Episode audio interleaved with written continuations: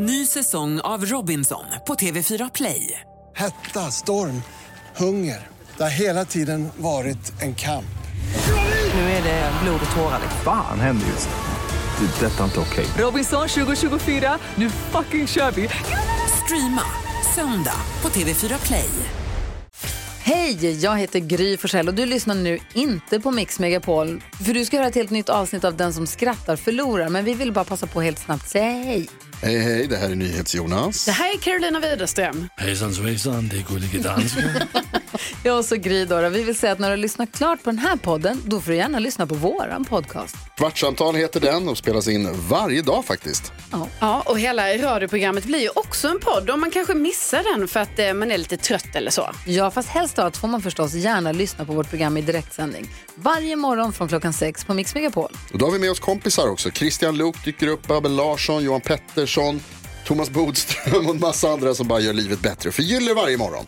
Som jag, Gullige Dansken. Och så mycket bra musik och annat skoj såklart och härliga gäster. Så vi hörs när du vaknar på Mix Megapol.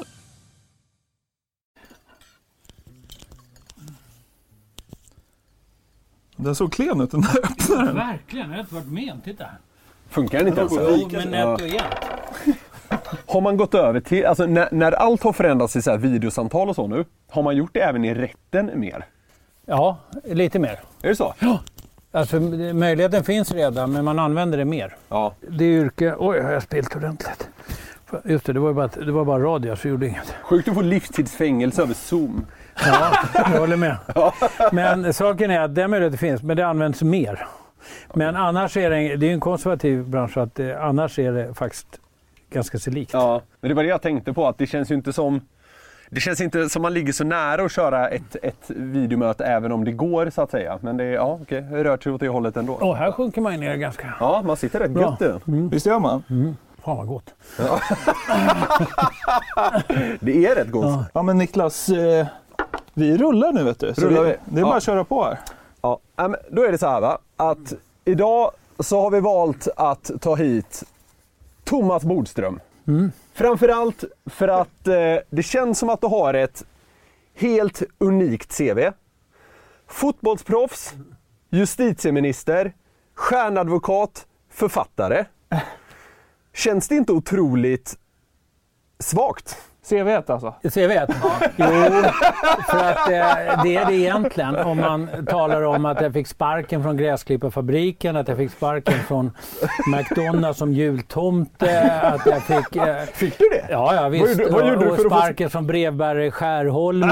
Så att det ska liksom flikas in saker på vägen och då kommer det se helt annorlunda ut. Då kommer de där fyra sakerna du räknar upp bara försvinna. Men det är inget man tar med i CVt, att man fick sparken som jultomte på McDonalds. Nej. Den kanske det- Men vad fan, den storyn måste du nästan dra. Jag vet Eh, inte, ja. den kanske du har gjort, men vi något Nej, sen. jag tror faktiskt att jag har gjort det. Och det var så att eh, jag kommer ihåg faktiskt, det var 1984, jag var 22 år. Ja. Och så kom jag hem från USA så hade jag inget jobb. Ja. Och då var det någon som jobbade på McDonalds här på Kungsgatan. Och då sa de så här, nej Norrlandsgatan, den gamla. Och då sa de, eh, nej du kan ju inte få jobb här utan någon större erfarenhet men du kan få vara jultomte. och det var jultomte. Men då, det var anledningen till att det var sparken. Det var jävligt tråkigt att gå runt där och dela ut små presenter till, till olika barn. Så att det som hände var att när jag såg personer så var det ganska roligt att säga saker. Ja, vad sa du då? Ja, men då kunde man säga till folk som man halvkände, för det kom in folk hela tiden i julhandeln, kunde man säga så här. Fan vad dragen du var i lördags. Ja, just Så tittar de upp så ser de bara en vankande jultomte och också rösten försvinner i det där. Och det där var jävligt kul och jag gjorde det där mer och mer men så var det chefen då som hörde det Ja. och då var det slut. Satte ner foten. Ja, exakt. Sen, men sen hamnade det faktiskt i en konflikt. För att han tyckte att jag inte bara skulle vagga runt där. Så han sa du måste göra lite andra saker. Du måste pressa sopor. Det var en tråkig grej. Ska man gå ner i källaren och pressa. Och då, ja, då sa jag så här, tomten pressar inte sopor. Det är långt ifrån din vardag idag känns det som. Ja, men det var liksom konflikter och lite förhandlingar och lite så här, ja. Ska, ska, ska vara helt ärliga så tycker vi att ditt CV är ganska starkt. Ja, ja. Eh, Ja. Sådär. Det, det, känns, det känns som att pilot kanske fattas på det. Har du haft pilotambitioner? Eh, nej, det har jag inte haft. Men eh, jag var med en gång i, i något på Gotland som var... Som, eh, alltså de skulle satsa på att man skulle kunna ha ett eget flyg. Ja. till Stockholm. Det gick förstås åt helvete. Men några gånger, eh, några gånger så fick man ändå flyga och då flög man faktiskt bara med en enda pilot. Ja. Okej. Och nu vågar man ju knappt säga att man var med där för då kanske man begick något brott. Eh, Så då säger jag inte det. Det är bra, då är du clean. Men det var det närmaste pilot jag kommit. Ja, jag fattar. Vilken ö blev det? Ja. Nej, men vi flög från eh, Gotland till, till Bromma. Ja, jag tänkte vilken öl du Alltså tog. öl, jag tyckte vilken ö jag flög till. Ja, det kunde man ju tro. Eh, det blev Melleruds utmärkta, den är god. Är du en öldrickare? Ja, det är jag faktiskt. Men jag gillar också när de inte för starka. Jag gillar just den här 4,5. Tycker jag är perfekt. Lite Vi lagom. sa det när vi handlade att en Hoff känns Bodström. Ja. Och det är en det. 4-5. Så vi var ju något på spåren där. Ja, de är bra. De, är, de här är bättre. Ja. Jag hade tagit Hoffen om jag inte hade tagit den. Det här är ju ett nytt avsnitt av eh, Löningsfredag som vi gör som ett extra avsnitt till den här podden. Ja. I vår, I vår första liksom, eh, runda med det här så hade vi med Glenn Hussein. Ja. Du känns aningen mer mediatränad än vad han gör. Nej, alltså, jag tror att Hysén är oerhört mycket mer mediabegåvad än man tror. För han spelar ju liksom en roll. Ja, och jag har träffat. Glenn Hysén så att han har ju liksom en, en, en image. Nej, han är okej. smartare än imagen. Tror du det? Ja, jag, jag vet att han I är så det. fall har han lurat oss, för vi har träffat honom många gånger. Han känns ju exakt som han framstår tycker jag. Det är också för att Ja. han har druckit nio öl varje gång han Ja. har träffat Ja, oss. är. Eh, Kanske. Men du har ju också en fotbollskarriär. Jag tänkte att Ja, eh, vi, vi jag måste... spelar mot Glenn Hysén Ja, det är ju stort. Men han är, ja, det är stort. Han var ju väldigt bra. Vem var, är är han den bästa du har mött, skulle säga? Eller har du mött någon som är ännu ett snäpp över Eh? Ja, jag mötte några i tyska, som har spelat i tyska landslaget. De får Ja. ändå varit bättre. Ja. Det får man säga. Ja. Glenn. Ja, absolut. Ja. Det kan man, kan man säkert debattera om. Ja. Men du, du spelade ju i AIK, slutet Ja. 80-talet va? Ja, då mötte man ju Toma- Thomas Brolin och sådana, Martin Dahlin. Och, Men De var ju hade, bra. hade du liksom proffsdrömmar? Var, var, där och då, var du en person som Eh, skulle bli fotbollsproffs? eller? Alltså på den tiden var det bara kanske tio spelare som blev proffs Ja. överhuvudtaget Ja. i Sverige. Liksom. Det var ju bara typ de här Brolin och, Ja. och, och Hussein. Så att eh, jag kände väl att allsvenskan var min gräns. Ja, Jag spelade Okej. där i tre år. Och, och då kände man just när man mötte de här allra, allra bästa att de var ändå på en nivå mer. Men jag var ju supernöjd med det där. Det var ju skitkul att spela där. Så att, eh, det var ju inte så att jag gick och grävde mig för mycket. Jag var på väg faktiskt att bli proffs i USA. Då ju Ja. fotbollen inte så stor där. Men sen fick jag jobb på advokatbyrå då hoppade jag av det. Ja. Men, men det var faktiskt på gång. Ja, men det, alltså, det, var, det var inte proffs på det sätt man tänker sig proffs, att man tjänar massor av pengar. Det var Nej. liksom, så man kunde livnära sig ett tag. Men det kunde man ju faktiskt på AIK också. Ja. Så att det var i stort sett samma. Men, men du, du, när du spelade i AIK där, det var väl ändå din heltidsgrej? Ja, men jag pluggade samtidigt. Ja, ja okej. Men, Men, men, men, det andra satt på. ICA när man pluggade, då drog han och lirade allsvenskan. Ja, det var faktiskt. Och, men det var också så att eh, när man åkte spelarbuss var det faktiskt väldigt skönt att ha något annat att göra än att bara spela poker eftersom jag alltid förlorade i poker. så, så det, jag satt, det var jag och ett par till som pluggade. Vi satt ganska långt fram i bussen. Efter att ha suttit längst bak i klassrummet så hamnade vi längre fram i bussen. Längst bak spelade de alltid kort. Ja. Och ibland när man hade tråkigt så gick man tillbaka och spelade i en stund. Och då sen gick man fram med 10 minuter och 200 spänn fattigare. ansågs ni vara nördarna, ni som satt och pluggade? Ja, lite faktiskt sådär. eh, Det, det är klart att man fick höra det lite. Ja. Vem var du närmast i, i laget på den där tiden? Ja, men jag och, umgås fortfarande ska jag säga eh, med Thomas Lundmark och Mats Olausson. Ja. Och sen Björn Kindlund kände jag sedan tidigare. Ja. Vi är samma årsbarn. Och Mats Rodin blev jag nära kompis med. Och Svenne Dala. Ja. Alltså, vi hade faktiskt väldigt kul Ja. i AIK. Ja. Det, det hade vi. Eh, jag tyckte det alltid var skitkul. Och särskilt som man hade pluggat juridik hela förmiddagen så var det Mm. jättekul att åka ner på Råsunda och träna. Ja. Det tyckte jag Ja. faktiskt. Eh, så, så att det var aldrig så här, åh vad jobbig träning igen, vi tränade igår. Nej. Man tränar ju nästan varje dag. Ja. Men det var en bra kombo faktiskt. Ja. Plugga och så fotboll. Ja, men det, fan, det, alltså, det, det är vissa, vissa av de här lite smartare spelarna idag. De säger så här, fan fattar inte att inte fler pluggar. Det är ju drömupplägg och plugga det är det samtidigt. faktiskt. För att man, man mår ju, det är ju lättare att plugga om man idrottar mycket. Ja. Ja, exakt. Och trots allt, i alla fall om man håller på med fotboll, man kan inte hålla på mer än två timmar om dagen. Det Nej. går inte att träna mer. Och det där är ett stort problem. Och då är det ändå vaken tio timmar till. Liksom. Och då kan man inte bara sitta och spela tv-spel som många gör idag. Nej. Så att det där borde klubbarna faktiskt ägna sig mer åt. Jag, Se jag har hört att en del, jag är väldigt hockeyintresserad, jag har hört en- att en del hockeyagenter har börjat pusha hårdare för det. Att så här, du ska veta att du kommer bara hålla på med det här till du är ja, men typ 35. Sen ska du jobba i kanske 30 år till i och med att du inte är tillräckligt bra Mm. för att liksom Säkra sin Ja, framtid. säkra sin Ja. framtid. Ja, och så det, är, det är faktiskt så här, håller man på med elitidrott så kan varenda gång man går in på planen, oavsett om det är fotboll eller hockey, så kan det vara sista gången. Ja, jo, det, Det är med. 35, det är, ju, Absolut, ja. men det är jättemånga som slutar Ja. när de är 23 Ja, eller ja, ja, ja. 26 eller sådär. Hur är det med fotbollsintresset idag då? Det är stort faktiskt. Eh, För det första är själva intresset större för att jag tittar mycket mer på fotboll än när jag spelade. Då tittade jag faktiskt inte så mycket för det var så mycket ändå. Men eh, jag och min 17-åriga son tittar jättemycket på, på fotboll faktiskt. Vad är det som gäller då? då? Nej, alltså jag tittar mest på Champions League och Premier League. Ja. Och jag följer lite honom faktiskt. Och så Ja. landskamper. Ja. Eh, Men det är inte så att jag sitter och kollar på varenda AIK-match. Men det är ändå AIK som är... Ja, AIK i laget förstås. Eh, och sen Leeds i, i Premier League. Men om man går tillbaka där till...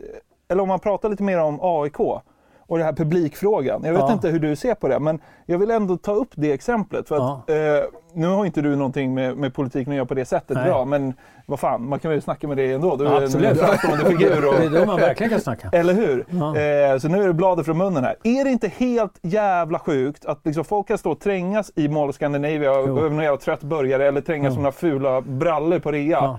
Men på arenan bredvid som tar 50 000 släpper de in åtta pers. Ja, alltså är vad är, helt grejen? Hur hamnade fotbollen så snett prioriterad i allt det här? Nej, men jag tror att jag hörde faktiskt redan förra våren oroväckande okunniga uttalande av Tegnell när det gällde fotboll. Ja. Han liksom blandade ihop det med brottning och såna här saker. I smittor. Ja, det, det, det lät inte bra. Jag kände så här, det här, det här kommer inte gå bra. Eh, och det gjorde det inte heller. Och det är ju det är totalt inkonsekvent. Jag tror att det hänger ihop med, eh, och jag tror att regeringen också ligger bakom det, att när man höjde till 500, då Mm. var det ju den sämsta jävla timing Ja. man kunde få. Då kom vi fas 2. Mm. Och då blev det på något sätt, vad hände fas 2? Jo, då tillät vi 500. Mm. Låt oss aldrig göra om det misstaget. Ja. Och det kommer de nog få äta upp lite sen faktiskt, att de gjorde det fast det fanns tecken på fas 2. Ja. Och det drabbas fotbollen av nu. Eh, för att det är totalt ologiskt. Alltså, och, jag menar, man, man, eh, på Skansen och Gröna Lund och överallt får man ju vara många fler. Och som sagt, Mall of Ja. Scandinavia. Jag har varit lite involverad i det där faktiskt. Men, i utan Mall of Scandinavia är man ju till och med inomhus. Ja, alltså jag vet, jag vet. Ja, alltså, det, det är det, helt- man blir ju knäpp. Fotbollen kom helt snett där. Och Ja. andra idrotter också faktiskt. Ja. Och det, jag vet också i? att fotbollen gör jättemycket för att man ska ha olika slottider, Ja. olika alltså delar utanför arenan och sådär. Så att, eh, ja. Men nu hoppas vi att eh, det ska bli ändring här från 17 maj. Va, vad är det du har varit involverad i? Du påbörjade förbereder något om det där. Jo, lite grann så har jag haft kontakt med fotbollsförbundet och en del andra om det här. Ja, okej, ja. Ja, men det har ju inte varit särskilt framgångsrikt för någon av oss. Nej. Saknar du att gå på fotboll personligen? Liksom? Ja, jag tycker det är otroligt härligt att sitta utomhus och käka korv och dricka kaffe och, och säga att det var bättre förr, vilket det inte var. Men Korv med bröd, det. korv med bröd hatar du inte? Korv med bröd är faktiskt fantastiskt Ja, gott. det är det. Vi Det käkade sjukt innan förut. alltså. Ja. Det är helt makalöst. Ja, verkligen. Kan det vara så gott? Ja, jag håller med. Ja, det är otroligt. Vitt, torrt bröd och så korv som man inte vill veta vad den innehåller. Nej. Och så kan det vara så gott. Ja, det är helt, helt sjukt. Du har ju faktiskt representerat fler lag än, eh, än AIK. Jag tänkte främst på TV-laget. Ja. Eh, vi hade en kollega här som sa att eh, han hade mött dig i en match någon gång när ni var, så du var inne en minut, sen drog du baksidan. Då undrar man ju så här, Ja. var- var det fake bara för att du inte ska få börja förkröka? För det känns ju bara som en stor Nej. jävla Det var krökarturné det faktiskt där. jävligt tråkigt. Ja. Eh, för det var just ett tv-lag och vi spelade mot 94 Ah. Alltså 94 VM-laget på, på Stadion tror jag vi spelade. Fan. Och jag hade spelat någon division 5-match och eh, fått muskelbristning i vaden. Och sen var det liksom en kamp mot klockan. Mm. Och sen så trodde jag att det skulle hålla och det höll i en minut. Ja. Sen bara pang så smällde det till. Nej, det var skittråkigt. För Ja, det var just det. mot, det var ju liksom mot 94-laget. Ja. Så att det var allt annat än att förkröka. Jag var jävligt deppig. Jag är nästan deppig nu när jag tänker på det. Ja, För förlåt. det, var ju, det hade varit en skitkul match. Alltså. Det var ju en skitkul match. Ja. Ja. Det var ju jättemycket publik och allting. Ja. Ja. Men jag har inte så- helt fel när jag säger att eh, TV-laget, det var en superturné. ja, det var det för många Ja. faktiskt. Och jag är förvånad att, eh, och det finns ju fortfarande, att det, det är så här ibland sju matcher i rad sju festkvällar i rad. Eh, Men det har jag aldrig pallat faktiskt. Utan Vem fan pallar det? Det är ju helt sjukt. Jag vet, jag vet. Jag Vi är det. 30, det skulle Ja. vara en fullkomlig omöjlighet. Ja, vi kanske ska lämna fotbollen där. Jag vet inte, vi kanske kommer in på det igen. Ja. Men det finns ju så mycket att prata om nu när vi har det Ja, här. det, det finns en del att gå in på. Ja. Ja. Jag, jag, jag tänker så här, du har ju varit involverad i politikens värld. Ja. Du var justitieminister från eh, 2000 till 2006 Ja. under Göran Persson, Ja. säger man väl? Ja. Alltså, po- politiken, är så här, jag känner mig personligen lite kluven inför politik. Alltså så här, det är ju ganska sexigt på något sätt att man är så här. Det är, du, det är liksom den, alltså det är ju politiken som bestämmer hur Sverige förs framåt på något sätt och Ja. sådär. Men det känns också väldigt trist i många avseenden. Hur många gånger har du varit liksom extremt nära att somna på ett opassande tillfälle som justitieminister? Jag vet inte, men jag ska säga att det hänger ihop. Jag ska bara först säga, eh, kvar lite i fotbollen, att det var genom politiken jag blev känd som fotbollsspelare. När jag väl spelade var det inte så många som brydde sig om det. Jag brukar säga det var ingen som märkte när jag sprang upp och ner på högerkanten på. Råsunda. Inte ens, inte ens mina lagkamrater. Jag tycker aldrig jag fick några pass. Jag bara sprang där framme. Så, så det var ju när jag blev politiker som jag Då blev fotbollsspelare. Elva år för sent. Så fick jag liksom mitt genombrott. Det är Ja. jävligt konstigt att få genombrottet 11 år efter Ett retroaktivt genombrott. Ett definitivt retroaktivt. Ja. Men eh, till politiken. Mm. Nej, jag har inte somnat eh, vad jag kan komma ihåg. Du har varit men, nära. Ja, det har jag kanske eh, på någon, någon seg middag framförallt. Okej. Och EU-middagarna var fruktansvärt tråkiga. Är det så? Ja. Du Eh? EU-möten var ganska spännande. Okej. När man fick diskutera och tjafsa med andra länder. Det Ja. var roligt, det var spännande. Okej. Särskilt när man fick vara bara ministrar som det var på luncher och sånt. Ja, okej. Då kunde man faktiskt säga liksom, vad fan håller ni på med? Det var lite högre i tak ja, och sådär, Det va? var mycket, mycket bättre. Eh, och det var inga kameror, inga det, och, och det var kul att bygga allianser. Så här. Om ni röstar på oss där så röstar vi på er där. Mm. Vi vet att ni har problem Robinson. där. Det är lite Robinson faktiskt. EU är lite Robinson faktiskt. Men eh, middagarna sen. De var mardrömslika. Och de var... På vilket sätt? Alltså för Nej, men att det skulle alltså, vara så ja, till att börja, nej, men alltså, till att börja med att de var sex timmar. Ja, det är länge. Ja. Det är väldigt länge. Det var så fruktansvärt tråkigt. Och så var man, kommer jag ihåg, man var så jävla hungrig för man gick ofta från de här mötena direkt på de här middagarna. Mm. Och så fick man in en förrätt så åt man upp den på 45 sekunder och sen fick man vänta en och en halv timme.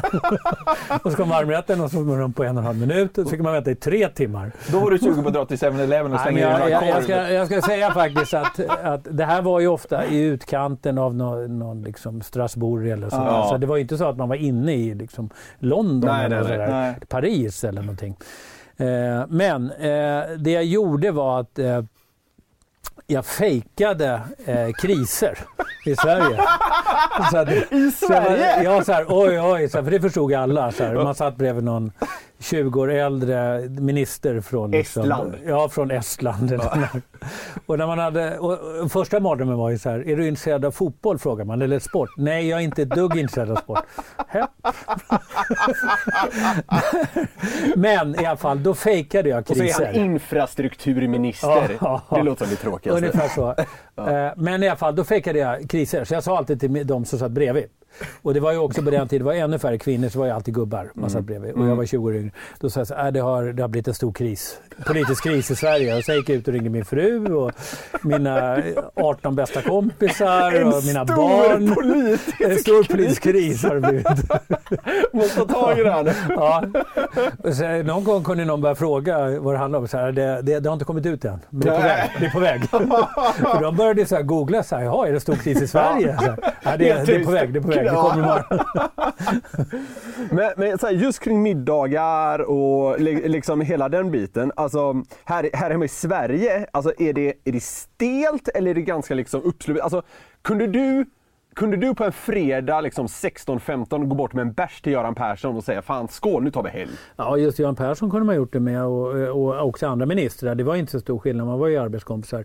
Göran han drog alltid iväg till, till, Till. Harpsund. Eller, ja. eller till, till sitt torp, som man kallar det. Så att, eh, han var ju kanske inte, men andra som bodde i Stockholm kunde man ju ta en AW med. Eh, Men sen, det var inte jättemycket middagar faktiskt. Det hände, men inte särskilt ofta ändå. Det var, man fick gå på kungamiddagar ett par gånger om året. Ja, det var just det. roligare än man, man tror. Är det? För att det var ganska, eh, alltså, de var alltid ganska korta själva middagarna. Skönt. Så det gick fort, ja. För det är det som är segt, att sitta ner. Och sen var det bar. Ja. Och där var det alltid... alla lä- väntar ja, på. Ja, och så var det kanske 300 pers. Det var alltid kul. Det var alltid några skådisar, det var alltid några idrottsmän. Och då var det liksom fritt att bara gå fram och snacka med vilka man ville. Det, det är också det är ju inte så många fördelar med att vara kändis. Men en fördel med att vara kändis det är att om man är kändis kan man gå fram till en annan kändis. Det är som busschaufförer som hälsar. eller på, Mm. ja, eller så på sjön. Va? Har man något ihop? Ja, så har man Ja. någonting. Va? Det är ungefär som man känner varandra och på ett sätt gör man ju det också. Man Mm. vet lite om varandra. Ja, just det. Och det där fatt, jag blev ju kändis liksom, som sagt, det var ju inte som fotbollsspelare utan var, jag blev ju det bara pang. Ja.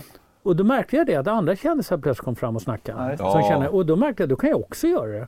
Och det är ganska kul att gå fram till exempel till skådisar och prata. Ja. Eller författare eller någonting. Har, har du haft över en promille när du pratar med kungen? Nej, men det var väl där omkring. Ja, okej, ja men bara det, det räcker Du, du frågar om mig eller kungen? Båda två. Han har ju haft en promille. Det är Ja, han kan ha haft en promille. Det här var ju ändå hans party. Ja, exakt. Men, eh, men Och eh, han gör vad han du, du, vill. du snackade med kungen då eller? Ja, det var också så att på kungamiddagar så blev man... eh, Det var, var lite speciellt. För att, Man blir tillfrågad? Man blir tillfrågad va? med? Ja, och, och, då kommer någon eh, och hämtar en och, och säger så här, nu vill Ers Majestät eh, växla några ord. Så här. Och då får Mm. man gå iväg och så får man snacka kanske tio minuter. Och då tar han upp någonting som ja, kriminalpolitik förstås med mig eller vet någon gång på en kungamiddag han skulle åka iväg till Thailand och då frågade han vilka frågor som eh, Vilken bar är regeringen bäst i tyckte. Phuket? Ja, vilken bar i Phuket ty- tycker du bäst? Var det, var det, var det AWn? Var det billigast bärs? Nej, det frågade han inte. Utan han frågade om olika saker. Så det var ganska seriöst. Och då fick också, jag var ju alltid där med min fru då, Helene. Och då fick hon sitta med Silvia en stund och snacka. Jaha. Ja, och hon, Helene berättade inte att hon var emot liksom monarkin. Eh, men men eh, hon Ja. ja. satt där artigt och, och, och, och kallpratade med Silvia och så pratade jag med kungen. Och så, det var ju inte så att när, när någon kom fram och sa nu ska kungen prata så att ja, men jag har inte tid nu, jag står här och snackar med en annan. Ja. Man var ju ändå på middag hos kungen. Jag står faktiskt med Sean Banan just nu. Ja, jag står med så. så att, så att, på väg över en eh, promille. så, så att det, och, och sen reste man ju också med honom på, på en del resor och så. så att det, jag gillar ändå kungen och Ja. Silvia. Ja, De är faktiskt väldigt trevliga. Ja. Hörde du den här poddintervjun med kungen? Jag hörde delar av den på TV. Ja. Men Fan, det, jag tyckte det var, det är ju en parentes som fan, men jag tyckte Ja. det var mäktigt att han gjorde det. Det känns jävligt pikt alltså. Ja, men, men alltså han har, när man har träffat honom så känns han just så här som han är lite i bojor och så liksom plötsligt släpper det. Ja. Och, och då kommer alla sådana här saker. Då blir han väldigt eh, personlig och, och pratar Ja. på ett sätt som, som man inte alls är van vid att höra Ja. honom. Så att, eh, ja, nej men eh, på så sätt så var det, det kul med de middagarna i alla fall. Eh, och annars var det, det var inte jättemycket middagar alltså. Nej. Men kungen styr bättre fester än EU. Det kan vi slå fast. Vi landar i det. Man kan säga så här, eh, EU-middagar tråkiga, kungamiddagar kul. ja, det är bra. Det låter kul. Du, du, var, du var inne på din, eh, din fru där Thomas. Ja. Du, du har fru och fyra barn. Ja. Alltså, kan du känna, det här, eh, håll i dig nu. Nej, jag Ja. tror inte det är någon fara. Men alltså, kan du inte känna att det är, alltså så här, du fick ju aldrig dra ministerkortet på krogen. Nej, Tråkigt eller? jag vet inte om det är synd? bra. Nej, ja, jag vet inte om det är bara fördelar. Men eh, eh, jag vet ju till exempel när, när man var på middagar ute i Nacka och sånt där. Mm. Och folk blev lite berusade. Då var det många som frågade så här.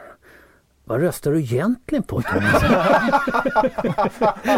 Det- så då kom ju den här ministergrejen in. Liksom. Det var ju så här, så här ja jag vill fatta, det är ju bra pröjs och allting. Så jag fattar du tog det, men vad skulle du egentligen vilja vara för det? Men, men alltså, eh, alltså så här, du var ju liksom, äh, det är du väl fortfarande, men du var liksom väldigt prominent och i ljuset där ett tag, några år liksom. Alltså, det, det måste ha varit rätt många ändå så här sliska förslag från småbarnsmorsor och sånt här på krogen. Nej, inte så mycket. Jag var inte jättemycket på krogen. Ja, det förstår jag i och för sig. När jag, Men jag var men- det, jag var det faktiskt. Ja. Men inte jättemycket. Och man är inte ute för sent. Nej. Nej. För det är då det ska liksom börja snackas och hit och dit. Ja, Eh, och man är absolut inte berusad. Det kan jag säga. Nej. Det, ska man vara berusad som minister då får man vara i ett sällskap på sex personer, sina bästa vänner. Mm. men eller de runt om det är ju jag Man kan inte vara det ens om man går på en grannfest. Nej. okej. Så, så, och därför går man hem ja, i tid. okej, ja. Är du en person som gillar att supa till på en fest annars då eller? Ja, alltså egentligen har jag aldrig varit att supa till för mycket för jag mår dåligt av alkohol. Är det så? För, ja, när jag dricker för mycket. Så det är Ja. inte av förstånd utan jag mår helt enkelt ganska dåligt. Men jag har ju alltid tyckt det var kul att festa. Mm. Gå på fest och gå på krogen, jag tyckte det var skitkul. Ja. Eh, I hela mitt liv faktiskt. Eh, och så att, visst, jag gick ut även som minister. Men sen var det lite speciellt när man har två livvakter med sig. Ja. Det liksom påverkar lite. Det, är Ja, det ska vi fan komma Ja, det till där snart. ska vi grotta alltså. ner Ja. oss i lite senare alltså. Ja, verkligen. Men, äh, men okej. Du undviker frågan lite. Blev Ja, du- men, nej, du men om man kunde dra ragg- ministerkortet. Vad sa du? Om man drog Nej, ministerkortet. men blev du inte, alltså, ble, var det inte många som var offensiva mot dig raggningsmässigt? Du kommer in som en jävla virvelvind där, snygg justitieminister. och- Två Säpo-gubbar runt dig. Det, är alltså, Som var ännu snyggare. kanske. Det var ju kört. Ja. Du fick vara vakt åt dem. Men, men alltså, grejen är ju också så här att om man nu är är känd, som är, eller var, eller är, Mm. i viss mån fortfarande, ja, eh, så är det ju så att om någon kommer fram så vet man inte om de är intresserade av att prata med en för att de tycker att man ser trevlig ut eller för att de tycker det är kul att prata med en kändis. Nej, det är sant. Så man kan aldrig veta. Nej, nej, nej.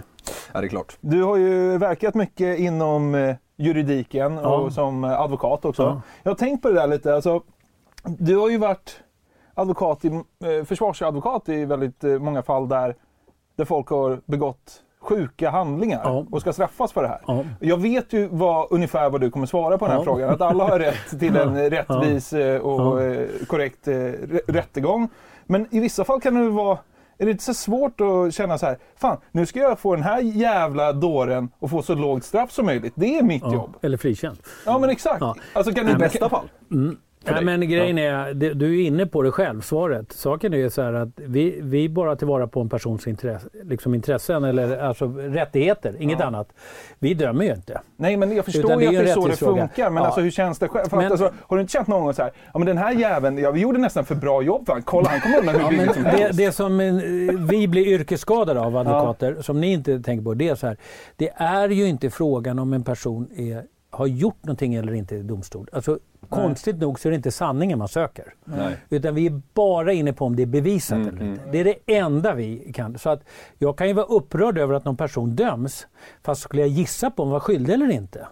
Så, så skulle jag gissa på det. Alltså man kan bli felaktigt dömd även om man skulle vara skyldig. Ja. Därför att det, vi är bara inne på om bevisningen räcker eller inte. Mm. Ja men absolut. Men Men det är kan inga inte det bli vanliga människor som är. i, Jag i din moraliska Nej, men kompass? Eftersom vi bara tittar på den där bevisgränsen hela tiden så är det ju det vi är fixerade på. Men jag ska inte säga att jag är helt okänslig för att jag kan ju till exempel känna efteråt att det inte känns alldeles bra när man till exempel har förhört en, en kvinna som har blivit misshandlad eller någonting och man utnyttjar den erfarenhet man har i rätten. Ja, just det. Och, och det kan absolut kännas på det personliga planet men det är mer åt det hållet man kan känna sig lite, att det där kändes inte bra. Liksom Ja, jag fattar det. Eller någon äldre liksom, gubbe eller tant eller någonting. Va? Just detta att man lite i, i korsförhör, som i och för sig är det absolut roligaste i en rättegång. Ja. Fan jag förstår det. alltså det är otroligt spännande. Ja, fy fan. Enormt spännande och särskilt som man liksom lurar iväg lite så här. Va? Och, och det, det kan kännas väldigt bra när det är i vissa sammanhang men det kan också kännas ganska ruttet. Det ska jag säga. Mm. Så det är mer det, inte att man, eh, hur själva domen är för det, det är domstolens sak. Liksom. Ja. Men lite ens egen agerande kan man absolut Ja. När, Känner när, vi. när du känner att du gör ett bra ja, korsförhör säger man väl? Ja. Alltså det, då måste du, jävlar vad du måste känna att du lever då. Sen har jag den här jäveln. Ja. Känner man inte så? Jo, det... Nej, men särskilt om man känner till exempel kan man sådär, som man faktiskt starkt Ja. misstänker skyddar sin kompis. Ja. Så är det ju Din faktiskt väldigt kul. anabola-pumpare jävel, nu har jag Ja. dig. Så att, eh, det, är ju, det är ju faktiskt väldigt kul. Ja, det förstår jag. Och då kan det ju vara så att man vet att han vet någonting som man inte låtsas om, så man ställer frågan och så, och så får man honom att ljuga först för att sen smälla igen fällan med Ja, att just du, du sitter ju, talar ju inte sanning här. Nej.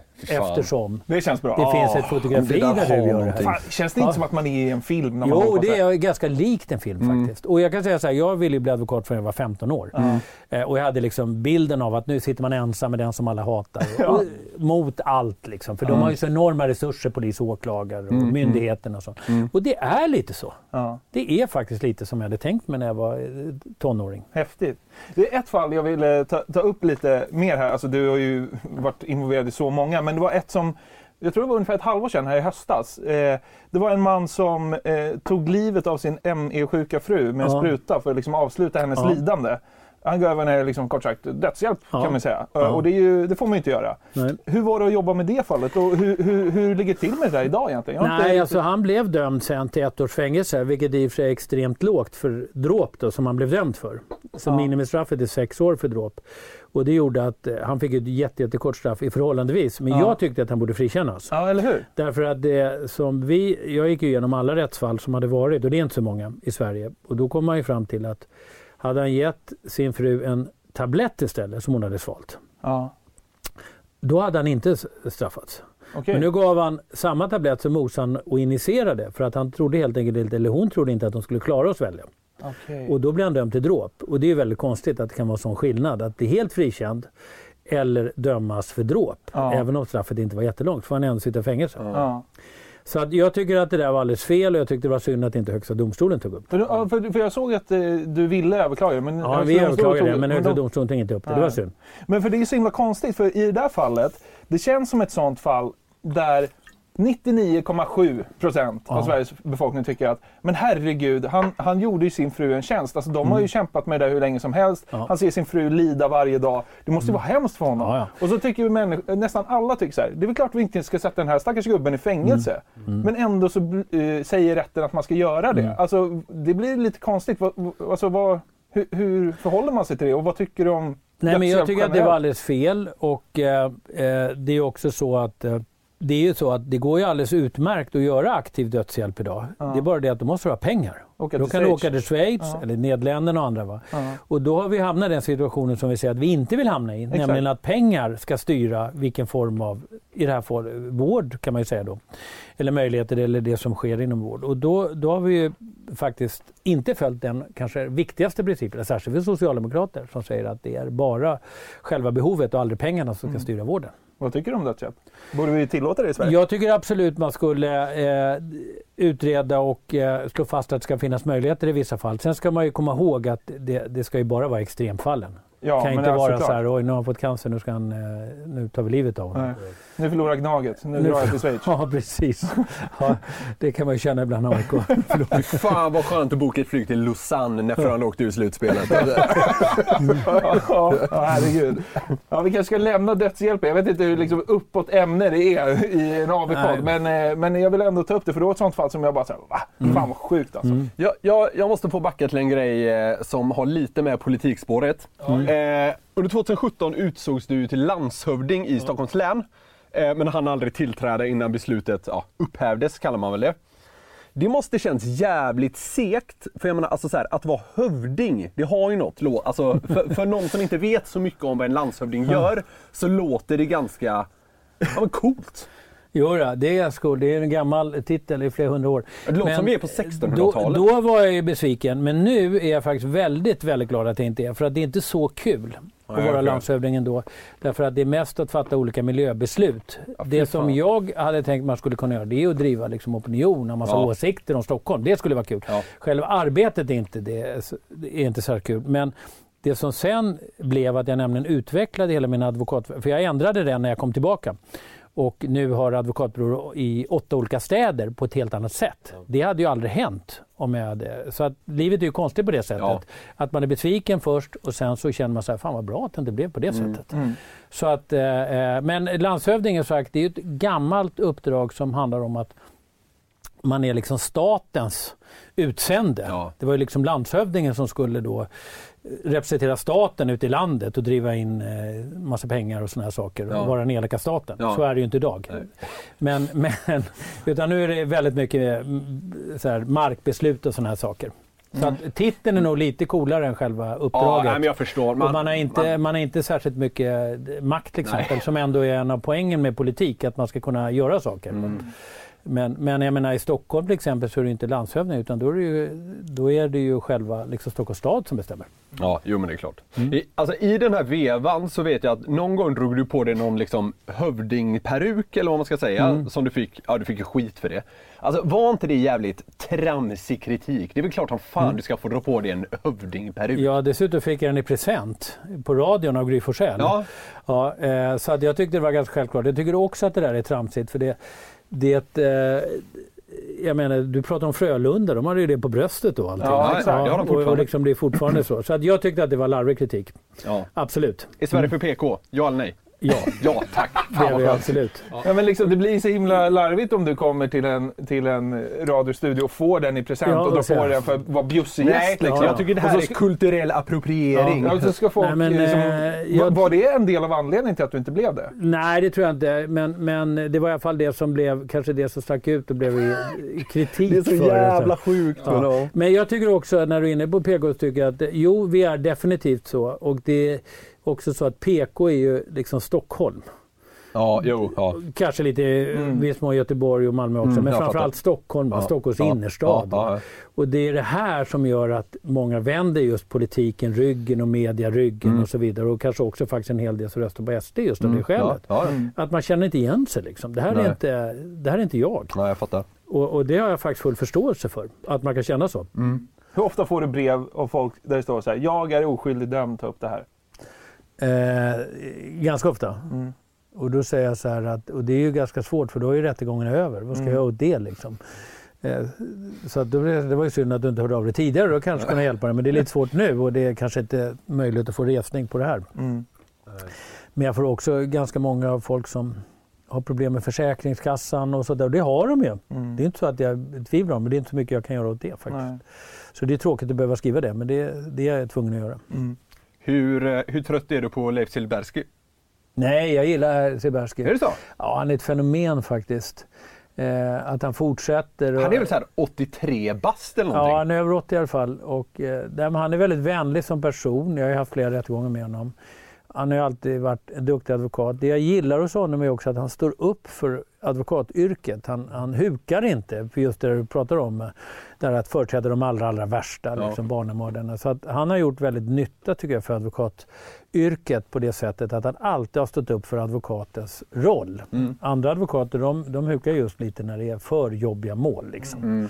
Men, men han har alltid stått upp för det där. Och så är han väldigt vänlig och trevlig.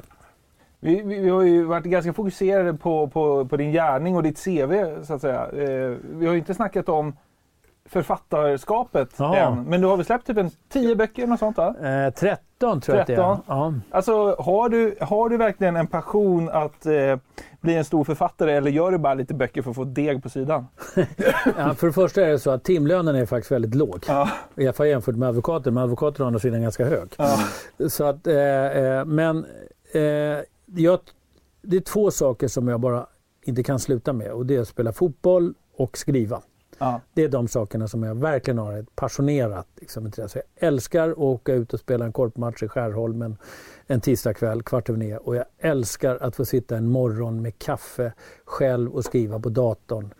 Eh, och då kan jag skriva var som helst. Jag kan gå på ett café, eller kan sitta hemma eller kan vara på Gotland. Jag tycker det är fantastiskt. Sen efter en, en och en halv timme, då tröttnar jag. Ja. Då är det färdigt. Liksom. Ja. Men den timmen, jag tycker det är fantastiskt att bara känna hur man...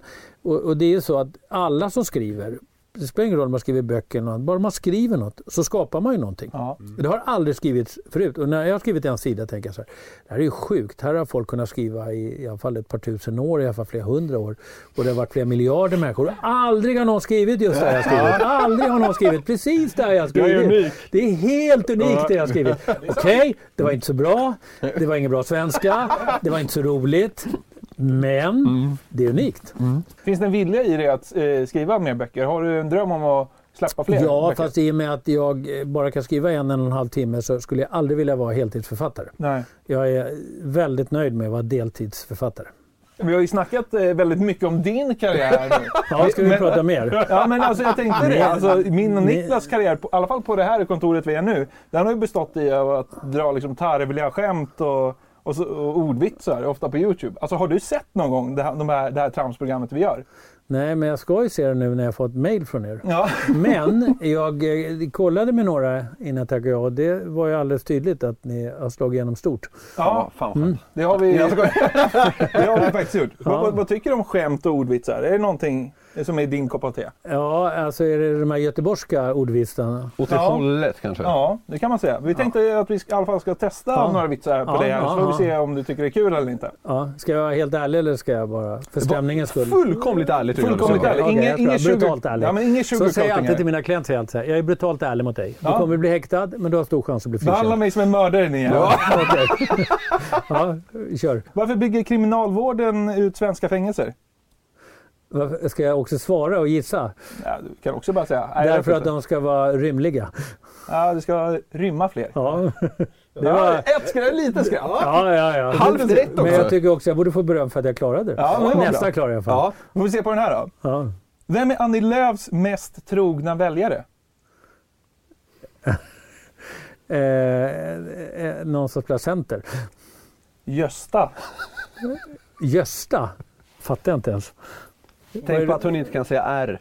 Rösta. Gösta. Jaså? ja, det var så långt borta så att... Men okej, när du säger det Det, så. det är en av Niklas favoriter. Ja, okej. Vi har eh, tre stycken kvar. Vi, vi testar den här då.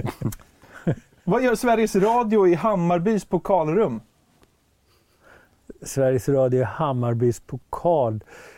Du vet att... eh, På kana kanalen? Kanalplan? De Nej. spelar på kanalplan? de spelar in Ekot. Jaha. Okej, jag tycker det var jävligt bra att säga att de spelar på kanalplan. jag tycker vi skulle byta ut svaret. Ja, kanske. Fattar du den? Ja, Det är så tomt i ja, ja, ja, så de spelar in Ekot ja, ja, jag fattar. Ett, ett guld på hundra år. Ja. Håll Jo, men det nu. var kanske bättre än kanalplan. Kanalblad. Skitnöjd. Ja, men, ja, men, håll med om att det var ganska snabbt. Ja, det var, ja, ja, absolut. Jag gillar att du har, verkligen Sveriges Radio spelar korpmatcher på Jag kanalplan. gillar verkligen att han försöker lösa Ja, ja. dem som att det är liksom enigman som ja. ska lösas. Liksom, det är en ordvits. Okej. Ja. Varför vill inte Anders Tegnell att man ska gå ner på äldre kvinnor? Gå ner sa du på ett konstigt sätt. Gå Alltså, ner. Alltså, alltså gå ner, alltså ge oralsex. Aha, på äldre kvinnor. Eh, Folkhälsomyndigheten.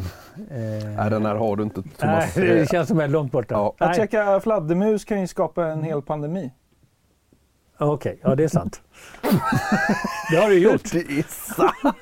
Ja, Ja. Okej, ja, nu får du verkligen hålla i det här. Nu är det sista, grande Ja. finale. Sen ska vi Ja. lämna det här tramset. okej. Vad är skillnaden på Acne och min gamla präst? Ja, men eh, Acne väntade ju till tonåren med att komma i mitt ansikte. Okej. Ja, men det är ju kul på det sättet att, att hur mycket han kyrkan kämpar så kommer det alltid fram någon ny präst Ja. som har gjort det. Ja. Och särskilt, särskilt katolikerna liksom är runt, på, ja, särskilt runt, liksom, eh, runt Vatikanen. Ja, det spelar ingen roll så här, nu har vi städat, nu ska vi göra. Och så går det något halvår så dyker det ändå upp. Ja. Det gör ju din historia kul.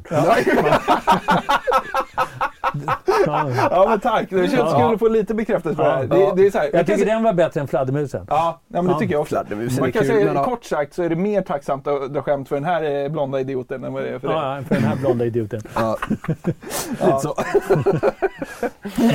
Men kan du känna ibland så här, fan vilket jävla coolt liv jag har levt. Hinner du stanna upp ibland och tänka så här, jag har varit med om jävligt mycket. Alltså. Nej men jo, men jag har varit med om mycket, absolut. Eh, sen är det ju så att jag har ju, tyvärr får jag ändå säga, blivit äldre så det är ju väldigt utdraget. Mm. Det är väldigt långt Mm. från liksom min senaste bok till att jag debuterade i AIK.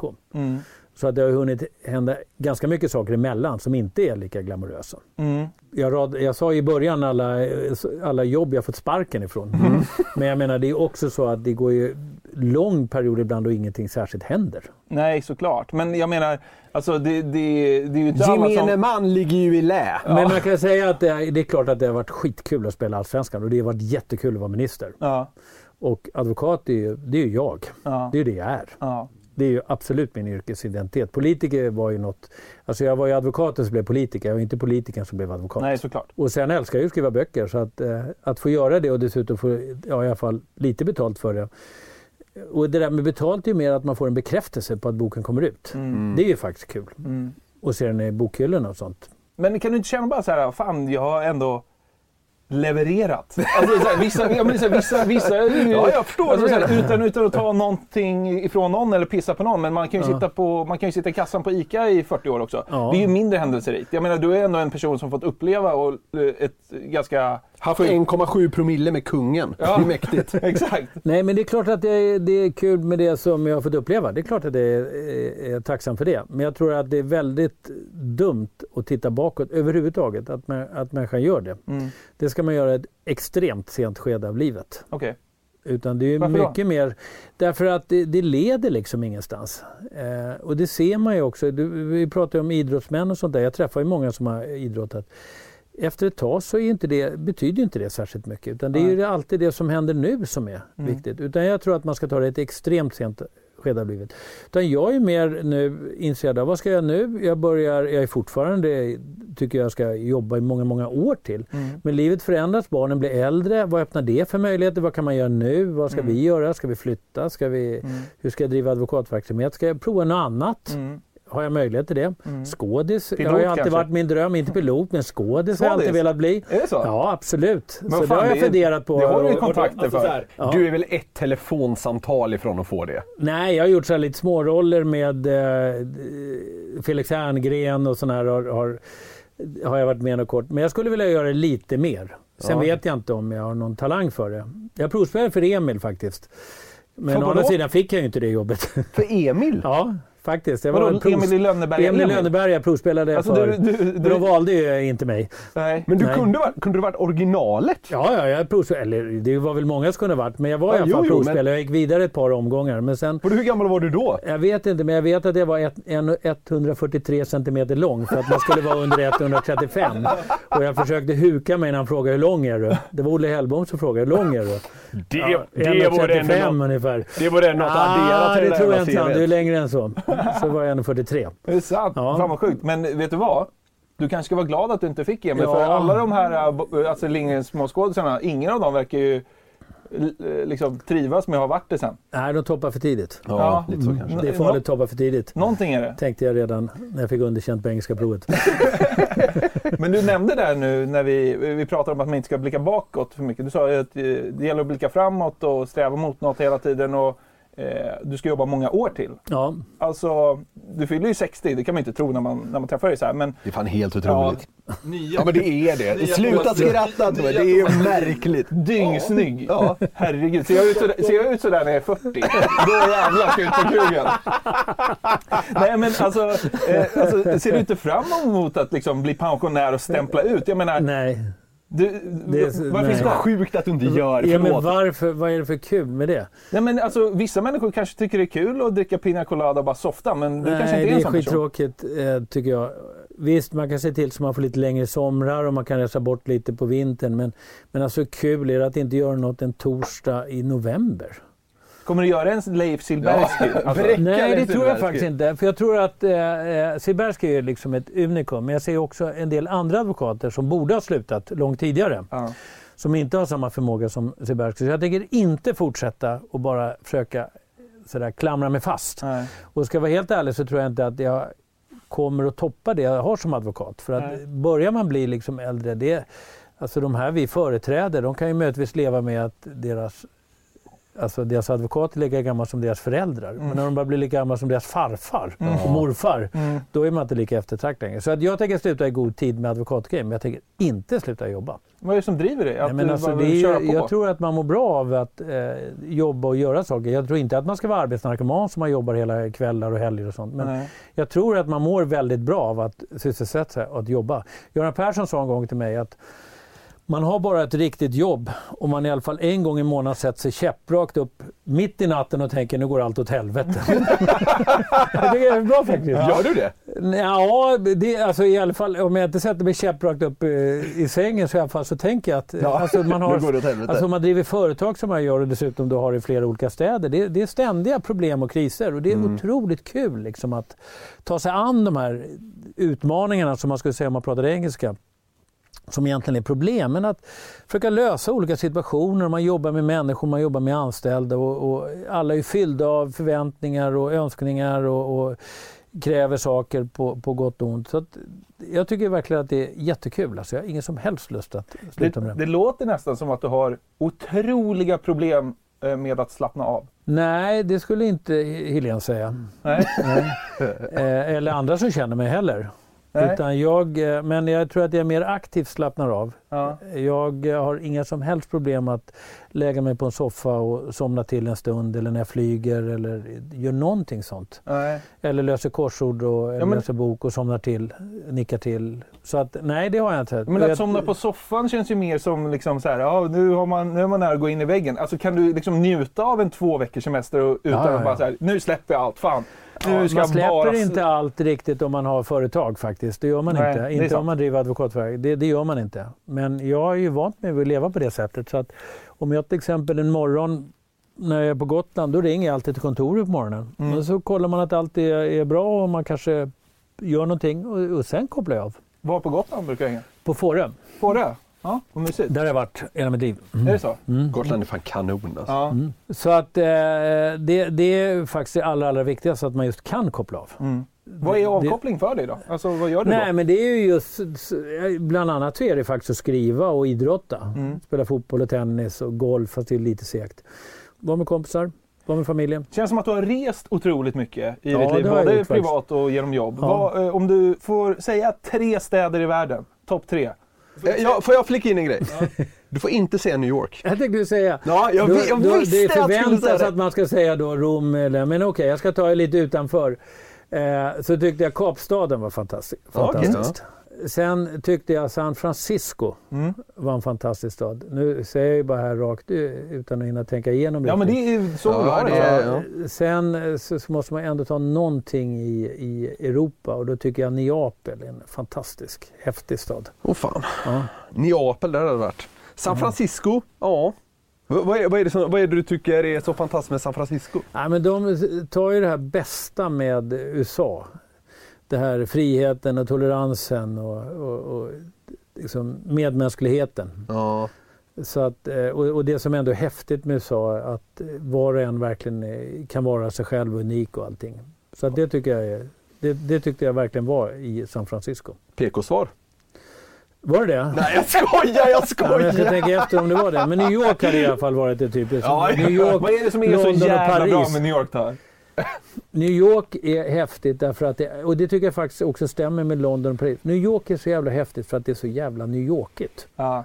Alltså man, där kan man ju tala om att man ska gå runt som en film. Man kan ju, Mm. man kan ju känna det när man går i Manhattan Mm. eller Fifth Avenue. Det är New York. Mm. Och det känns som om alla som bor i New York ska leva upp till att visa alla som kommer dit att nu är ni i New York. Mm. De är ju ganska, de är ganska självgoda med att de bor nu. De är ju otroligt Mm. Ja. nöjda att de bor i New York. Ja. Men just därför så är det så väldigt mycket New York. Bara Mm. man beställer en kaffe eller vad som helst. Men du bodde där som ung va?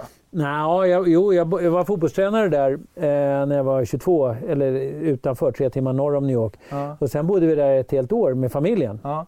för tio år sedan drygt. Ja. Så att barnen gick i skolan och jag skrev en bok och sådär. Ja. Så, att, eh, så, så jag har ju bott ganska mycket i USA. hade blivit så jävla glad om Thomas var i Las Vegas. Jag har aldrig varit i Las Vegas faktiskt. Har du aldrig varit i Las Nej. Vegas? Det var på gång när vi bodde där ett år att åka till olika städer, men vi kom aldrig till Las Vegas. Ja, okej, ja. Har du någon speldjävul i dig? Nej, eh, inte så direkt. Men det är klart att någon gång när man hamnar vid ett roulettebord så, så kan man ju känna det där. Alltså man kan förstå de som har det. Att man vill gå och växla in och allting. Det, det känns obehagligt. Och jag, tycker att det, jag tycker överhuvudtaget att det är faktiskt, om man ska vara seriös, det är jävligt obehagligt med det här. Eh, Och jag vet personer som alltså, det är fullständiga tragedier. Det förstör som liv. Ja, det förstör liv. Ja, ja. Mm, Eh, det gör det. och, och det är hög suicidrisk och sådär. Så att jag tycker att det, det är en jävligt allvarlig sak. Och jag tycker att de som gör reklam för det ska tänka sig väldigt noga för Mm. vad de bidrar till. Du avskräcktes kanske redan där i AIK-bussen? Ja, jag förlorade hela tiden. eh, och, och då var jag klok nog att inte fortsätta. Ja, bra. Men jag menar, visst kan det vara spännande med spel och slå vad och sådana saker. Absolut. Och tippa. Och, Mm. och det ju, vi tippar ju på jobbet när det är EM och VM och sådana saker. Det är ju kul Mm. att ha tävlingar på det sättet. Ja, verkligen. Men det är just det där när man förstör hela sin ekonomi och familj och allting. Då, Ja, är då är det inte kul. Ja, Liksom. det ska ju bara vara eh, Ja, kul, ja. men eh, det är ju inte alla som eh, klarar av det. Så det är klart att det finns Öden där. På, på tal om spännande, så att säga. Mm. Alltså, jag, jag tycker det är extremt spännande och intressant med Säpo. Nu Ja. kommer jag till det jag hintade om förut. Ja, Men det som är trist är att man vet ingenting. nej, Alltså som liksom utomstående. nej. Hur är det att ha personskydd? Det är eh, blandat faktiskt. För att eh, det var ju väldigt proffsiga och trevliga livvakter som man jobbade med. De blev ju som arbetskamrater. Eh, jag vet att många kompisar tyckte så här, fan vad bekvämt och blir körd överallt. Och var man på en krog så, stod- så var bilen utanför jämt. Jag tänkte Eh. att det var någon privat taxiverksamhet. Ja, och så att, eh, men samtidigt så dels blir man ju påmind om varför man har livvakter. Det är ju inte för att det är roligt. Utan det, man blir påmind om att man ändå är en viss riskgrupp. Och det är obehagligt. Och det är klart att det blev ju mycket, mycket mer sen när, när Anna det. mördades. Som jag ändå kände ganska väl. Så det var ju på alla sätt en påminnelse om det också sen när man hade livvakter. Så att eh, sammantaget så är det mycket bättre att ha, inte ha livvakter. Okej. Därför att det är just eh, hela ens, hela ens privata sfär på något Ja. sätt. Ja, alltså jag förstår att det kan variera, men om vi tar för dig till exempel då, alltså i vilken, i vilken utsträckning är de in på dig eller följer dig? Alltså satt de utanför din bostad varje natt? Eller alltså, Nej, man hade en annan slags vakt. Man ska egentligen inte prata för mycket om det här, men nu kan jag göra det. Eh, när man ha, har det ska man aldrig prata om det. nej, nej men det, jag, jag tänker att du kanske kan prata lite mer om det ja, nu. jag kan säga, men vi hade andra, alltså vanliga vakter så att säga. Och sen så, bor, så är Säpo-vakterna i närheten. Men Okej. det är också det att ibland säger man varför har inte den livvakt? Man ska komma ihåg att en person, jag hade ju livvaktsskydd dygnet runt ett år eller ett och ett Mm. halvt. Det eh, kräver 12 personer. Ja, just det. Så att, Det är en jävla eh, kostnad. Ja, om man ska hålla på och multiplicera det så kommer det krävas tiotusentals livvakter. Mm. Om alla så skulle kunna ha något behov av det. Men om du är på en grillfest eh, hos era grannar, vi bara säger i något Ja. radhusområde Ja. eller villaområde eller vad fan det är. Mm. Alltså, var, och, var befinner sig de då? Är de Jo, med då och frågar äter? de först mig. Nej, de är Nej. inte med. De frågar mig först vilka som är där. Ja. Eh, De kanske går dit i förväg och Okej. kollar lite om det är så att inte jag känner folk. Så Ja. de ska se hur det ser ut. Eh, Och sen sitter de antingen i en bil utanför eller så är de utanför. Eh, De är ju extremt proffsiga på att vara diskreta. Mm. Och eh, vid ett par tillfällen så har de ju ingripit också när jag varit med. Fast det var falskt alarm. Men då ser man hur otroligt på de är. Kan du, du, du kan dra Det- något exempel? Jo, det var ett exempel så att jag höll ett föredrag på Stockholms universitet. Mm. Och så var det en gubbe som satt längst fram. Han var bara fem meter från mig. Och då satt livvakten också på längst fram. Men de, det var ingen som tänkte på att de var livvakter för de smäl, smälte in ganska bra. Och så plötsligt rusar den här gubben rakt emot mig. Mm. Med ett antal papper i handen. Men han bara rusade precis rakt emot mig. Mm. Och eh, det, visste, det var det var, han skulle inte attackera mig, men det kunde han ju gjort. Och då tog det liksom bara en tiondel sekund så står det bara smack. Så satt han liksom i väggen bredvid Ja, okej. med två livvakter. Vad skulle han göra då? Han skulle lämna över de här papperna men han bara rusade rakt fram. Här ska du ha, sa han. Och så han har tagit tre steg och sen satt som ett frimärke i väggen. Naiv, naivt att tro att det är så här helt okej. Ja, så då insåg jag, jävlar vad de är på hugget alltså. Ja, okej. Sen, hade, sen tyckte de att det var jobbigt om man var till exempel på ett eh, möte där det var massor av folk. För då innebär det ju att man också ska prata och de, folk är väldigt nära. Ja. Och då ska de vara nära fast de ska inte liksom synas eller märkas. Mm. För det förstör ju stämningen lite. Är, alltså, är det det här klassiska, det man ser i filmer och sånt där? S- Säg att någon, säg att någon drar ett vapen mot dig Ja. och så ser de det. Ja. Alltså, ska de täcka Ja, dig då? ja, då är det så att de är alltid två. Ja, En ska attackera gärningsmannen och en ska skydda mig. okej. Och då innebär det att de, de kastar sig över gärningsmannen och kastar sig över mig. Den andra kastar sig över mig. okej. Och får bort mig. Ja. Det är inte så att man bara lägger sig ner utan de ska bara få bort mig från platsen. Ja. Så att det- är därför de är två. En attackerar och en, Ja, en skyddar. Du har ju haft eh, personskydd som vi är inne på Ja. nu och, och du eh, verkar ju inom juridiken och ja, beblandas väl med folk från alla eh, hörn av, av samhället. Ja. Har du någon gång varit riktigt rädd i din yrkesroll? Nej, aldrig. Aldrig faktiskt. Då har jag suttit ensam med, med eh, trippelmördare och allting i rum. Nej, jag har faktiskt aldrig varit det. Jag har aldrig känt mig liksom hotfull. Jag har haft konflikter med klienter och sånt där som kräver att jag ska göra saker som jag säger att det kan jag inte göra för det är mot eh, advokatetiska regler eller att eh, Vad är det? Det är så Ta dumt. ut något ur ett häkte? Ja, precis. Det har alla advokater blivit tillfrågade, Mm. sådana saker. Mm. Så att, eh, eller att folk utifrån säger det är mer vad ta in det här eller berätta det här för han sitter häkte och sånt. Va? Så sådana saker har alla advokater. Eh, men inte ens då har jag känt faktiskt något större. Det är, liksom, det är obehagligt med konflikter men inte värre än så. Fan, ja, nu, nu lämnar vi ämnet lite. Jag, jag har en fråga till på det här. sen, Men alltså, alltså, om du sitter mitt emot en trippelmördare, ni sitter i samma rum. Alltså, det måste ju kännas så jävla sjukt. Han har mördat, troligen, jag lägga till, mördat tre Ja. personer. Men det visar sig att alltså, de som är farliga det är ju de som är direkt sjuka. Ja. Det är de som man kanske har största hotet. Det ser man ju också på de som har begått saker och ting. Det är ju sjuka människor Mm. i allmänhet. Som till exempel Ann Lind och sånt. Det är, Mhm. det är ju inte friska människor. Och eh, då kan man ju säga att det är klart att man är sjuk om man har mördat tre människor på ett sätt. Men jag tror man ska vara mer vaksam och det kan vara vilket ärende som helst. Mm. På personer som har en helt annan personlighet. Mm. Avvikande liksom. Mm. Och det kan man ju förstås tycka att man har, men, men om man har mördat tre personer eller misstänkt för det. Men, men jag har i alla fall aldrig upplevt det på det sättet. Vi, vi, eh, vi gör ju en, som, som var inne på, en Youtube-serie där vi drar skämt och sånt Mm. där. Och Annie Lööf var med i det för ett tag sedan. Okej. Och då var ju hon här på vårt kontor och vi har en studio här som vi, som vi eh, var inne i med henne. Och då hade hon med sig en, en Säpovakt. Mm. Vi tror bara det var en. Ja, det var, ja, Ja, i och ja. för sig. De har faktiskt gått över till att ha, jag, jag träffade också en minister här som sa att eh, jag sa så här, har ni bara en? Ja, det har blivit så många så att de har gått över till en. Okej. Men jag tror att Annie Lööf har säkert två ibland och så en ibland. Säkert. Ja. Eh, men då, då var den här vakten med då. Och så gick vi in i studion med Annie och liksom vakten bara så här s- satte sig utanför Ja. i princip. Jag frågade så här, ska, ska du med in här i studion Ja. eller hur gör vi? Mm. Och så sa hon så här, nej men stäng du det så är jag här utanför. Ja. Så, jag, så vi, det var jag, Niklas och två kollegor till som stängde in oss själva med Annie Lööf i en studio som är låst. Men då har de säkert kollat det lite innan. Tror du det? Ja, det tror jag. Att, Fan, eh, det kittlar lite i mig på något sätt. att du har blivit kollad? Ja. Ja. Om du tycker det är kul så. Nej men, nej men förstår du hur jag menar? Ja. Nej men alltså så här, vi, alltså, vi det, kändes ju, det känd, kändes ju som att vi kunde packa ner Annie i en låda om vi ville och, och ta med henne. Ja. ja, men då hade ju Säpovakt stått utanför och väntat med sin picka.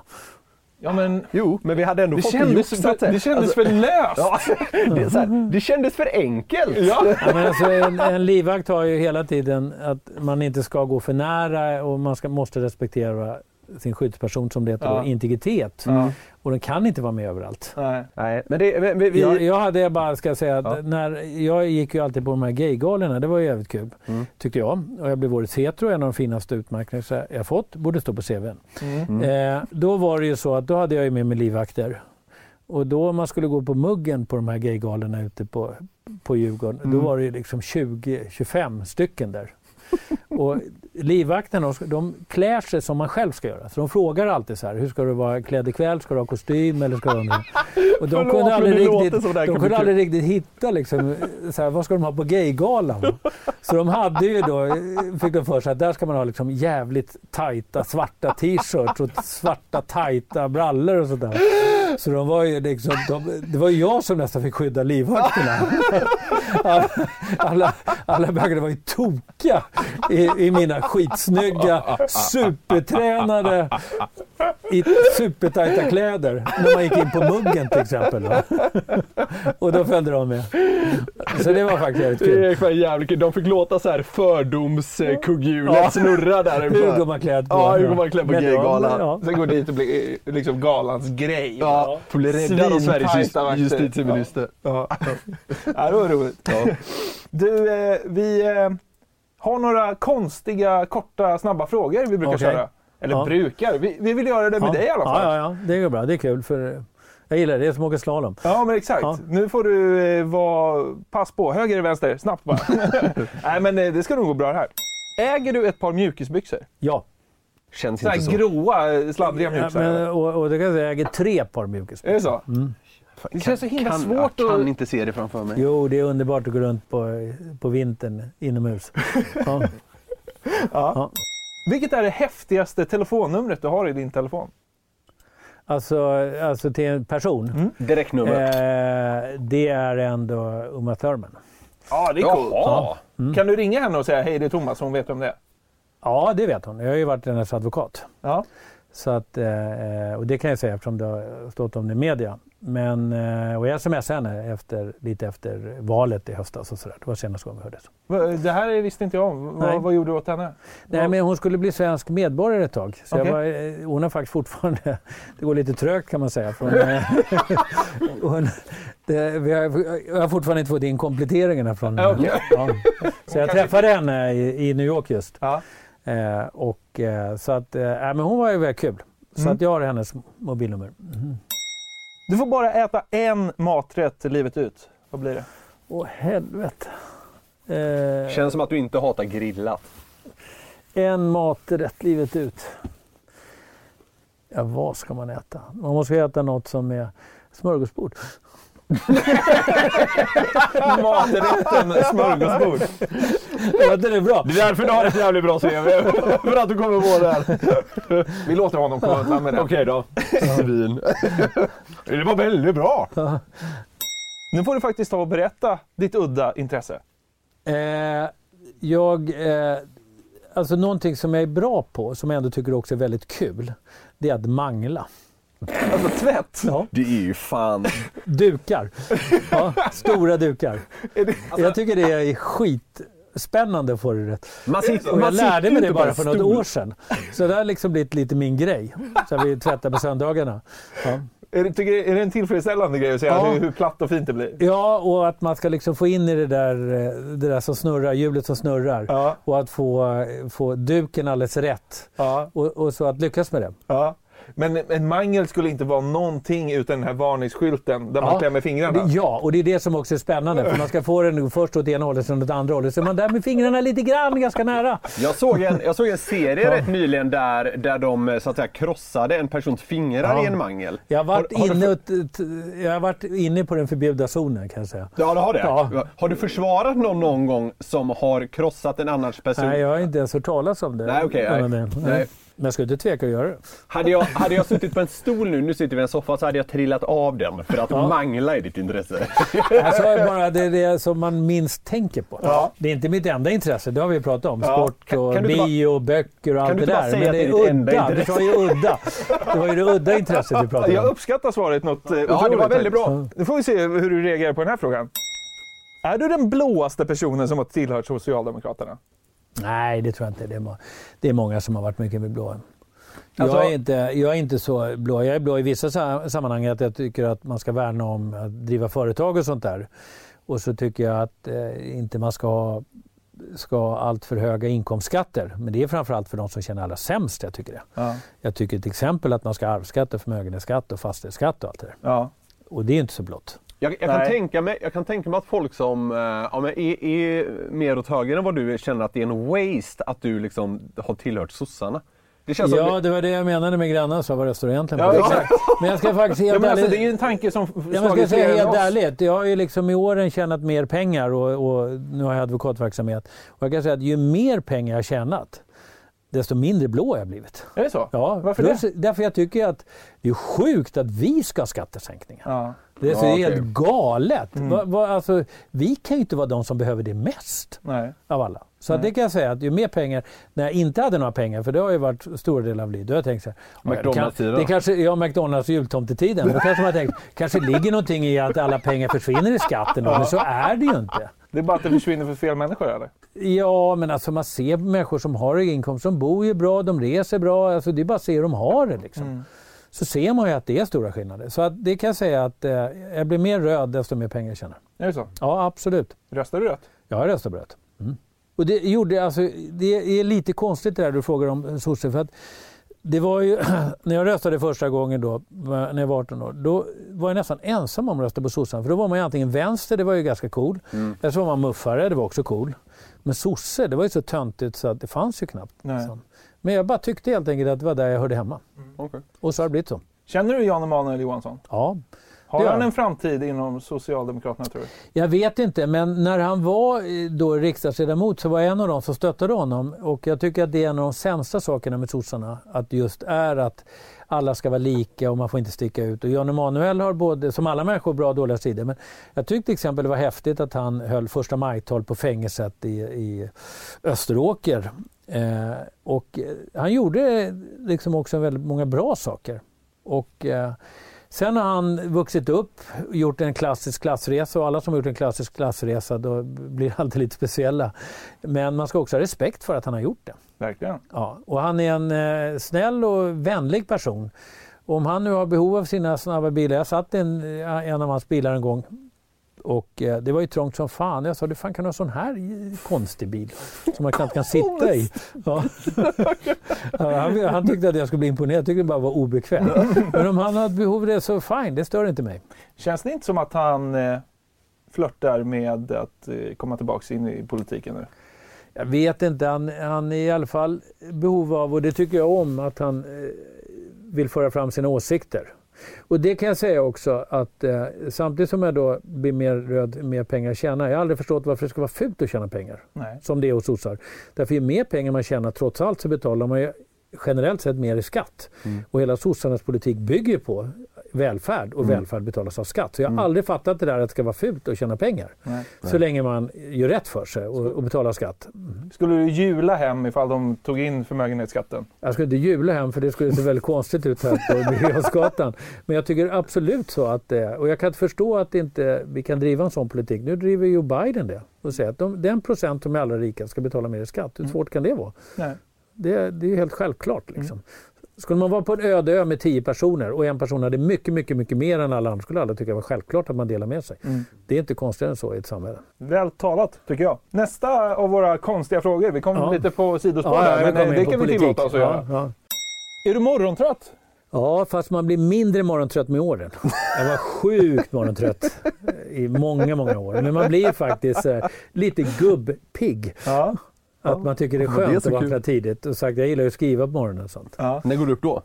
Ja, det kanske går upp vid sju, halv sju, Det är sju. tidigt som fan. Ja, det är tidigt som fan. Det tycker man om en er ålder. Och det tyckte jag också. Ja. Och jag- kan ta en till snabb fråga. Ja, kör du. Alltså så här. Du är... Det, det här, nu kommer du väl inte hålla med om det här, men du får bara tugga i dig det. Du, du är extremt framgångsrik. Du ser exceptionellt bra ut för att typ vara 60.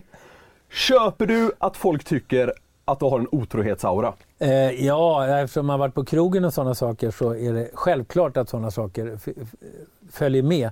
Jag tror dessutom det är så att samtidigt som jag gillade att gå ut på krogen och festa och sådana här saker så var det ju väldigt mycket kring att jag var fyrbarnspappa. Ja, det där okej. tror jag liksom störde. Räddade det dig? Och, eh, nej, jag tror snarare att det provocerade lite. Och dessutom då eftersom jag har varit tillsammans med eh, Helen sen jag var, hon var 21, 22 20 och jag var 26 Ja. liksom, så var det lite så här, jag kunde känna hur det provocerade.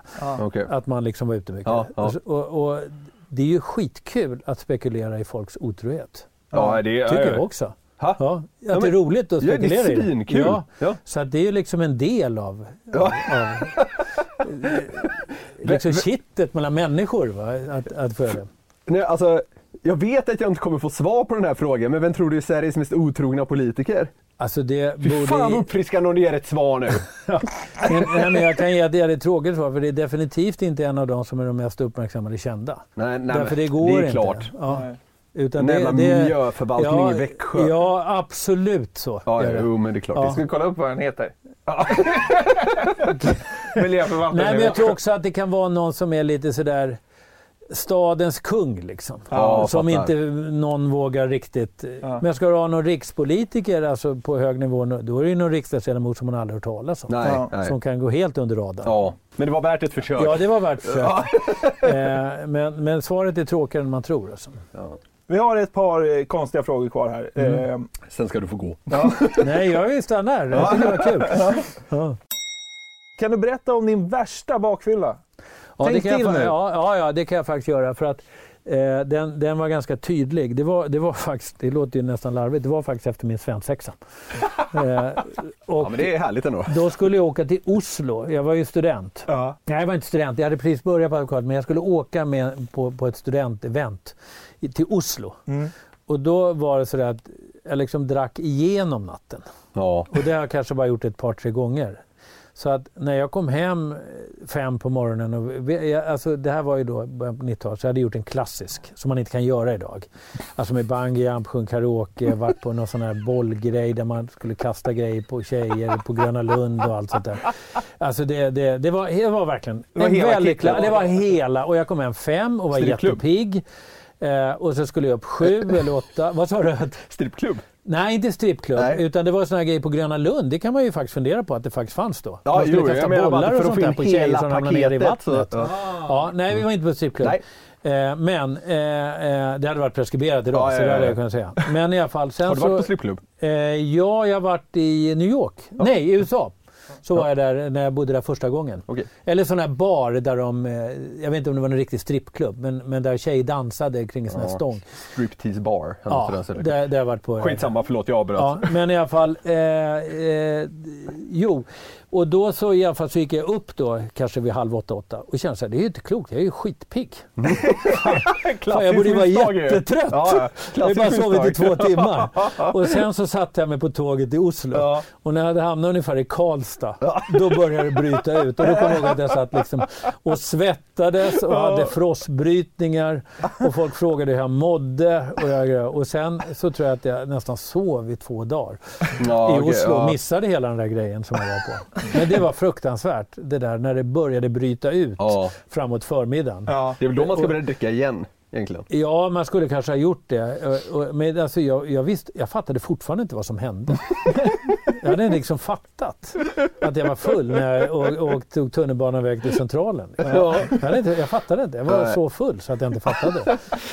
Nej, det där är vidrigt. Utan bara tyckte det var så konstigt att jag var så pigg. Ja. Varför är jag pigg för? Ja, det var precis så. När slaktade du en kebabpizza senast? Ja, jag, t- kebabpizza, kanske något år sedan, två år sedan. Ja. Ganska gott faktiskt. ja. Inte Min, bästa. min, min gissning är att du kör på något så här calzone eller capricciosa. Capricciosa. Ja, det är så? Det är bra. Ja, okej. ja. Det var, ja, men det var, Varför gissar du på det? nej, men du, det känns, så du känns som en enkel man i det hänseendet. Ja, men det är capricciosa är liksom tryggt. Ja. Ja. Det känns Det, tryggt. det känns tryggt. Jo, men det är ju också så. Och det ska vara capricciosa där man har riktig skinka. Ja, ingen sås på, eller hur? Nej, ingen sås Nej. på. Inte de där, de där vad heter det? skinkan som var i, vet, så här jättesmala. Ja, Trådar. inte, inte strimlad utan Nej, det ska vara... den är hemsk. Ja. Det ska vara riktig skinka. Ja. Det är bra. Det är bra. Eh, du ska få ett sista uppdrag här Thomas innan eh, vi släpper dig. Vi Ja. säger stort tack för att du Ja, kom hit. Vi är superglada verkligen. och Ja, jag tycker att vi hade, vi hade en jättetrevlig stund tycker jag. Det tycker jag också. Man glömde bort att det spelas in. Ja. Är det bra eller dåligt? Det är alltid, det är alltid ett gott tecken. Ja, vi tar det som ett gott betyg i alla fall. Ditt sista uppdrag här blir att önska en låt som ger våra lyssnare, eftersom det är liksom en fredagspodd Och med en en god feeling och. AV. Ja. Justin Timberlake. Justin Timberlake. Can't stop the feeling. Ja, men den är ju dum! Det går inte att ha liksom en AV och misslyckas om man har den låten. Men det är sant. Ja. Så då bara vi skickar in våra lyssnare i löningshelgen med den helt enkelt. Ja. Stort tack för att du kom hit Thomas. Tack för att du kom hit.